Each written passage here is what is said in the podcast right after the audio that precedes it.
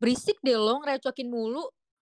Masalah lo apa, Cok? Weh, weh, udahlah. Daripada kita saling ngerecokin, mending kita dengerin Recok. Recox, recommendation of Are ITS. Sumpah, gue lagi penat banget nih, Bril. Penat, kenapa lo? Ini loh, Bril. Jadi kemarin tuh kan kita baru banget selesai UTS kan. Dan udah Hmm. selesai nih libur lebarannya. Dan hari ini banget kita udah harus kuliah lagi gitu.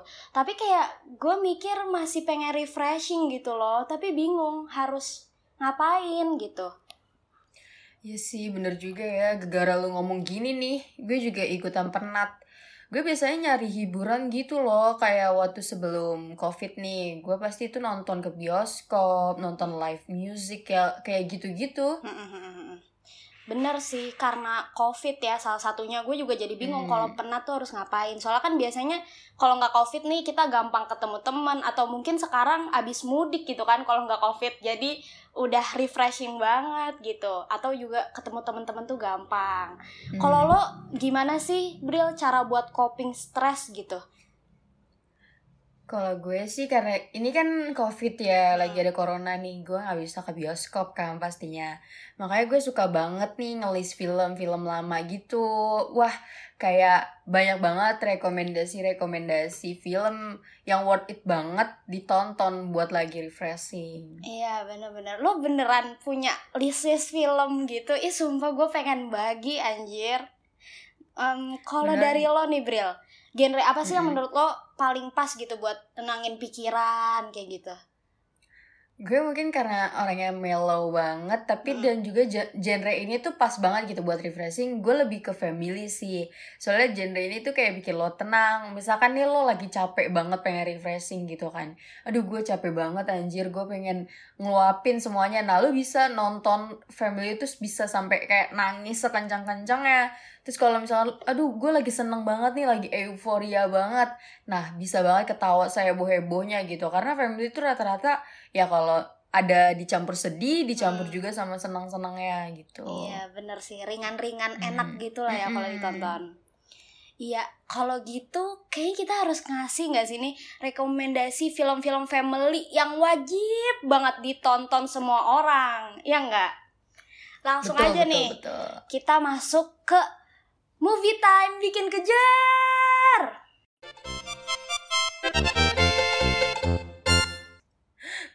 Eh, eh, eh, eh, eh, eh, eh, eh. udah, udah, udah, udah, udah, udah nangis ya udah, udah dong. Kan kita Sedih belum, banget anjir. kan kita belum mulai nih rekomendasinya. Kok udah nangis duluan, Bril? Gue tuh kayak kebawa emosional gitu loh. Aduh kayak, ah, Saking sedihnya ya. parah.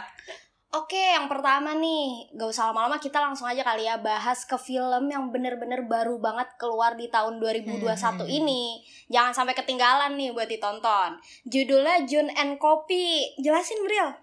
Jadi, Jun and Kopi ini dimainkan oleh Aya, yaitu Aca Septriasa dan suaminya Rian Dillon. Memiliki dua ekor anjing bernama Jun dan Kopi yang menjadi bagian dari keluarganya. Nah, Aya tuh menyambut kelahiran si putrinya yang bernama Karin yang dibintangi oleh Michael Rose Hill. Jun langsung menjadi pendamping sang anak nih dan mereka itu menjalin sebuah persahabatan antara anjing dan manusia itu sampai Karin besar. Nah, suatu hari sialnya nih, mereka tuh lagi liburan keluarga. Nah, si Karin itu tuh terjebak di dalam hutan dan Jun yang gak ikut liburan sama keluarga itu langsung nyamperin gitu ke tempat liburan si keluarganya dan akhirnya Jun itu bisa membantu si Karin untuk keluar dari hutan itu. Nah, tapi ada sesuatu nih yang bikin sedih banget di endingnya dan kalian harus banget nonton sih soalnya gue sampai nangis banget gitu loh kayak hmm, sedih banget deh pokoknya apalagi tuh anjing kan ya antara persahabatan anjing sama sama manusia tuh ya Allah bener-bener touch my heart banget Iya, gitu iya, iya. Tapi berarti ini awalnya Junnya tuh nggak ikut nggak ikut jalan-jalan sama keluarga mereka gitu. Dia menyelundup ngikut gitu atau gimana? Iya, jadi aduh gila sih mungkin saking setianya ya jadi itu Junnya itu tadinya tuh di rumah nah karena dia nggak pernah dipisahin sama Karin yang maksudnya Oh, jauh iya, iya, banget iya, iya, gitu paham. jaraknya nah itu Jun langsung ngikutin si Karin Mm-mm. sama keluarganya nah si kopi ini nah kopi ini kayak ngeliat Jun kabur deh ikut si Oh. Iya, jadi kopinya ikut Jun kabur juga. Nah, udah deh. Jadi kejadian-kejadian konflik puncaknya itu ada di tempat mereka lagi liburan. Iya, iya, iya, iya, iya, paham. Dan Jun kopi ini sama-sama anjing kan berarti? Mm-mm. lucu. Ya, kopi itu hitam, Ah. yang si Junnya itu putih. Oh iya iya iya. Lucu banget sih, sumpah. Bayangin aja ini berarti film Indonesia pertama kan ya yang pemerannya itu seekor anjing gitu. Dan bagus. Iya, betul banget. Pemeran utamanya tuh seekor anjing. Jadi, aduh, pokoknya nih gue juga sampai nggak expect banget ya anjingnya sepinter itu Iya. gitu. Gimana sih kayak pasti susah lah kayak Bener bener. lo ngatur manusia aja susah gimana lo Iya, ngatur iya, iya, anjing iya, kan parah. makanya harus nonton banget sih Kita harus Re- ngapresiasi pokoknya kita harus banget meng- ya. ah benar Heeh, caranya benar, dengan nonton. banget Heeh, benar benar benar. Dan setiap scene-nya tuh banyak banget pasti yang nyentuh hati. Ya nggak sih? Lo aja sampai Betul, betul, nangis betul. gitu. iya gue sampai nangis banget sumpah kayak ada tuh eh, jadi gue nonton ini di rumah teman gue kan kalau Hmm. mungkin ada videonya bisa gue tunjukin ya tunjukin video gue lagi nangis Jadi di videoin sama temen lo, lo yang lagi nangis nonton ini. Oke. oke oke lanjut ya Mm-mm. Apa nih yang kedua? ke rekomendasi film kedua yaitu Birthday ta di tahun 2019. Jelasin lah gimana nih Oke. sinopsisnya. Wah, jadi film ini gak kalah kacau sih sama film Jun and Cop yang sebelumnya. Ini sedih banget juga. Dan cerita ini based on true story gitu. Jadi di cerita ini tuh Birthday ini nyeritain tentang kesedihan orang tua yang anaknya itu jadi korban tenggelamnya kapal Sewol gitu.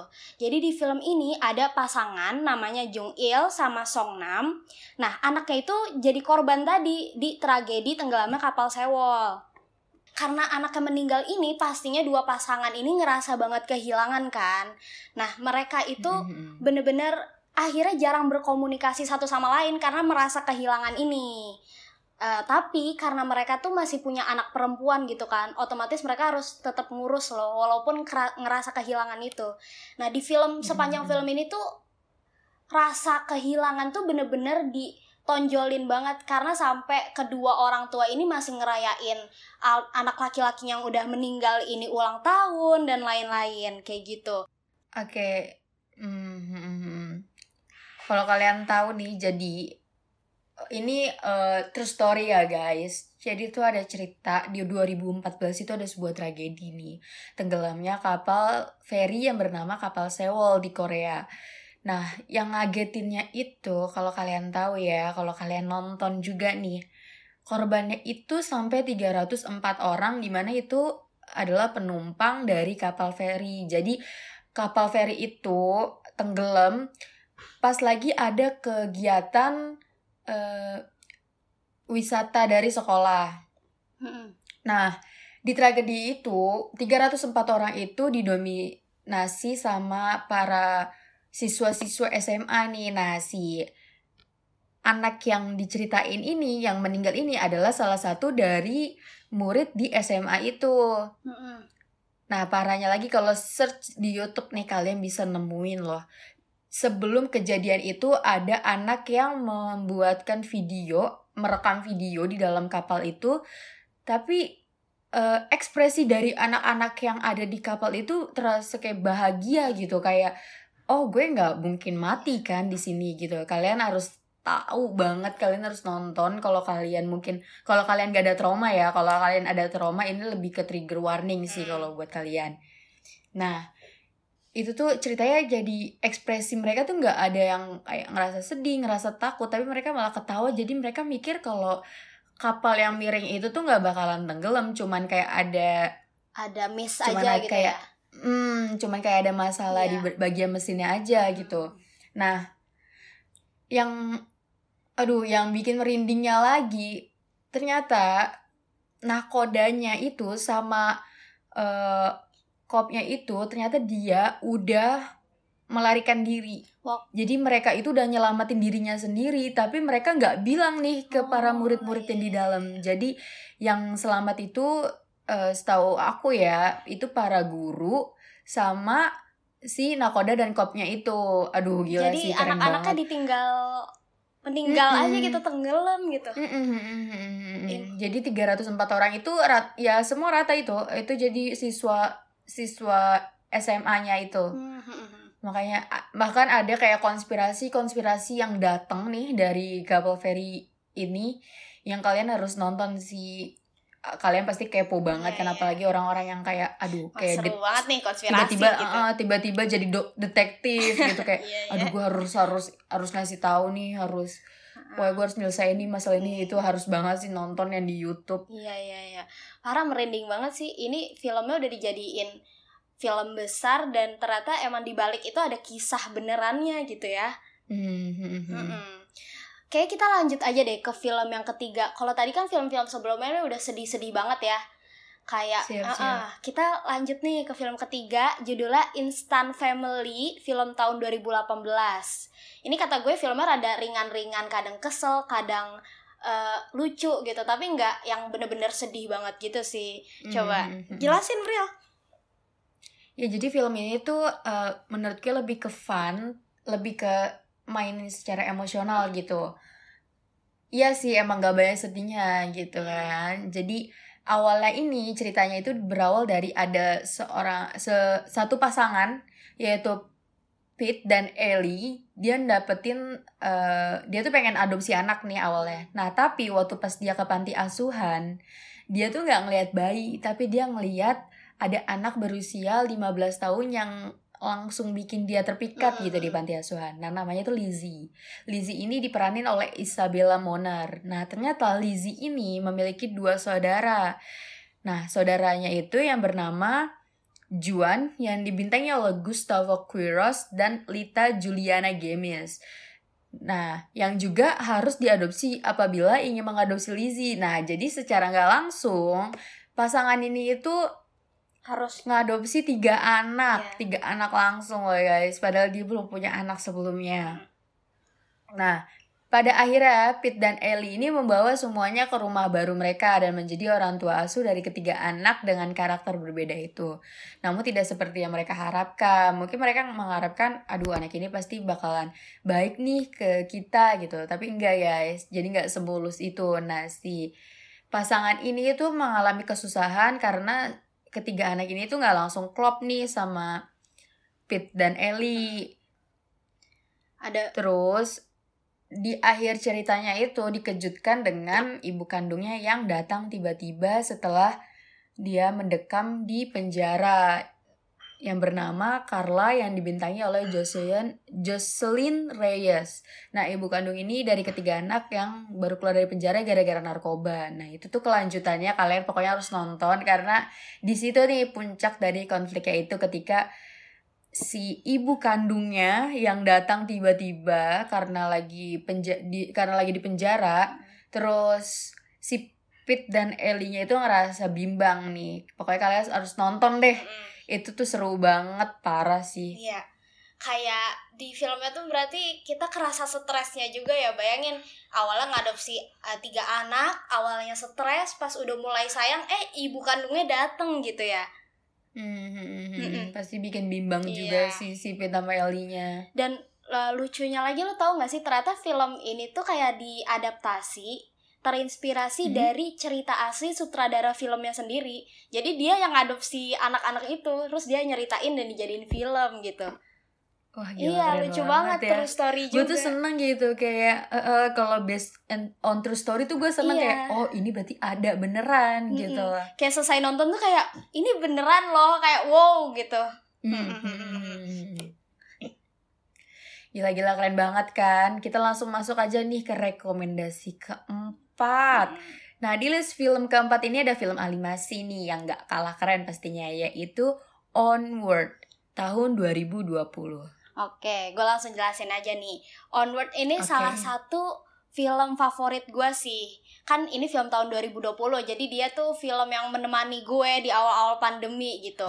Dan film ini tuh diperanin sama Tom Holland sama Chris Pratt uh, dua aktor favorit gue juga. Makanya gue makin suka nih sama film ini. Jadi film ini tuh rada fantasi gitu ya. Dia filmnya Disney sama Pixar gitu nah di film ini tuh nyeritain ada dua saudara namanya Barley Lightfoot sama Ian Lightfoot. Jadi mereka itu waktu si Ian lagi ulang tahun nih di umur 16, mereka tuh dapat hadiah dari ayahnya. Nah, hadiahnya tuh ternyata tongkat ajaib yang isinya surat sama batu permata. Nah, di tongkat itu tuh mengembalikan sihir magic yang ada di tahun lalu gitu. Eh, sorry, bukan tahun lalu, tahun-tahun sebelumnya. Jadi zaman dulu tuh banyak uh, masih dunia tuh dipenuhi magic sihir tapi seiring berjalannya waktu kan mulai modern teknologi mulai maju akhirnya sihir ditinggalin. Nah di ulang tahun ke-16 ini mereka dapetin tokat ajaib yang itu uh, apa berbau-bau sihir juga. Nah di tongkat ajaib ini ternyata bisa mengembalikan ayah mereka bisa mengembalikan ayah mereka selama 24 jam doang tapi ayahnya kan udah meninggal nih. Akhirnya si Ian yang gak pernah ketemu ayahnya lah jatuhnya bisa nih main bareng ayahnya 24 hmm. jam. Tapi mereka ada misi tuh di sana karena ayahnya gak bener-bener kembali kayak cuma setengah badan gitu. Nah buat ngembaliin ayahnya bener-bener seluruh badannya itu harus mereka menjalankan misi-misi tertentu gitu. Nah, mereka berhasil nggak sih nih ketemu ayahnya si Ian? Akhirnya bisa nggak sih ngobrol sama ayahnya? Nah, di situ di pertengahan misinya juga banyak banget masalah-masalah yang uh, bisa bikin kita kaget, terus tiba-tiba sedih lagi. Wah, seru deh pokoknya. Apalagi nih bawa-bawa ayah ya kayak aduh kalau bawa ayah atau ibu tuh pasti kayak nyentuh banget gitu. Benar-benar dan film ini juga gabungan animasi dan fantasi gitu ya siapa sih yang nggak tahu juga nih sama Tom Holland hmm. yang gantengnya masya Allah gila, bener. Oke kita lanjut aja kali ya ke rekomendasi terakhir nih nah ini film terakhir yang kita taruh ini yang paling spesial sih. Sebenarnya yang lain juga spesial. Cuma kenapa kita bilang ini yang paling spesial? Karena film ini yang ratingnya itu terbagus paling atas di antara film-film hmm. sebelumnya. Nah, film ini tuh termasuk film anime nih, kerennya. Apa tuh judulnya? Judulnya adalah Grave of the Fireflies. Film tahun 1988. Film zaman dulu yang tapi malah paling bagus gitu ya. Keren banget. Iya, karena film ini tuh membungkus ceritanya tuh keren banget sih apalagi tentang kehidupan hmm. dan gue emang sedih banget nih nonton film ini iya. jadi anim itu mengisahkan seorang anak laki-laki nih bernama Seita yang berumur 14 tahun dan adik perempuannya bernama Setsuko yang berumur 4 tahun nah mereka tuh hidup di Jepang dalam kondisi perang dunia kedua nih Pengisi suara dari Grave of the Fireflies di antaranya yaitu Sutomu Tatsumi, Ayano Shiraishi, Akemi Yamaguchi dan Tadashi Nakamura. Nah, ibu mereka tuh tewas. Jadi waktu pas Perang Dunia Kedua, si ibunya ini tewas karena kena bom yang berasal dari Amerika. Sementara ayah mereka menjadi prajurit di Angkatan Laut Jepang. Nah, Seita dan Setsuko kembali menumpang nih di rumah bibi mereka. Pada awalnya segalanya membaik ya kehidupan biasa aja gitu. Kehidupan mereka kembali seperti biasanya. Namun, hubungan mereka dengan bibi kemudian memburuk. Mereka memutuskan meninggalkan kota dan tinggal di sebuah rumah yang ditinggal yang ditinggalkan penghuninya. Jadi dia itu ke rumah kosong nih keadaan semakin membaik tetapi kembali memburuk karena makanan nih semakin susah didapat jadi mereka hidupnya semakin miskin. Mereka berdua berjuang, bertahan hidup, dan satu-satunya hiburan mereka adalah cahaya kunang-kunang.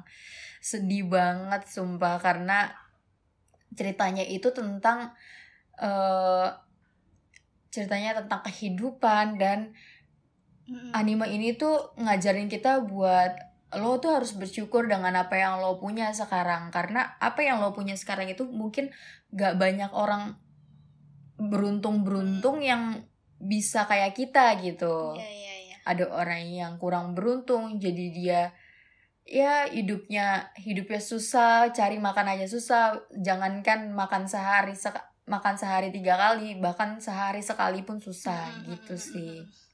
Sedih banget ya. Bahkan lo bisa ngasih uh, apa salah satu amanatnya gitu dari film ini. Ya enggak Hmm.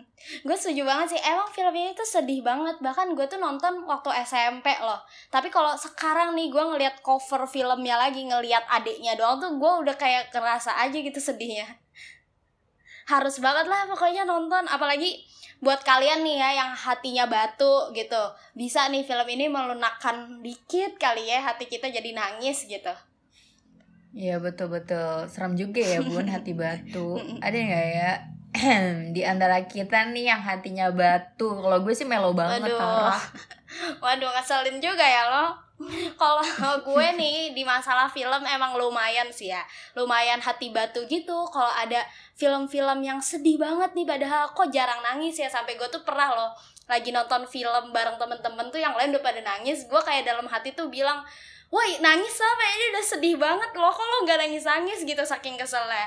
Tapi untungnya gue hati batunya di masalah film doang ya. Kalau di kehidupan mah ya enggak dong. Iya betul. Lagi juga ya Kalau kehidupan asli nih Sutradaranya hebat banget. Iyalah. Aduh Yaitu Tuhan yang Maha Esa dan alurnya juga ya kadang sedih sedih banget tawa-tawa banget habis ketawa ngakak bisa kejar ya Hmm. gitu deh kayak diputer-puter terus aja rotasi itu selalu berputar Nah, bener banget. Makanya nih, kayaknya di rekomendasi selanjutnya kita harus ngasih nih film-film atau list series juga bisa yang lebih menantang gitu gak sih genrenya kan sekarang kita udah nangis-nangisan nih udah sedih-sedihan besok yang lebih menantang lagi Hmm, bisa bisa banget. Oke, ditunggu ya teman-teman.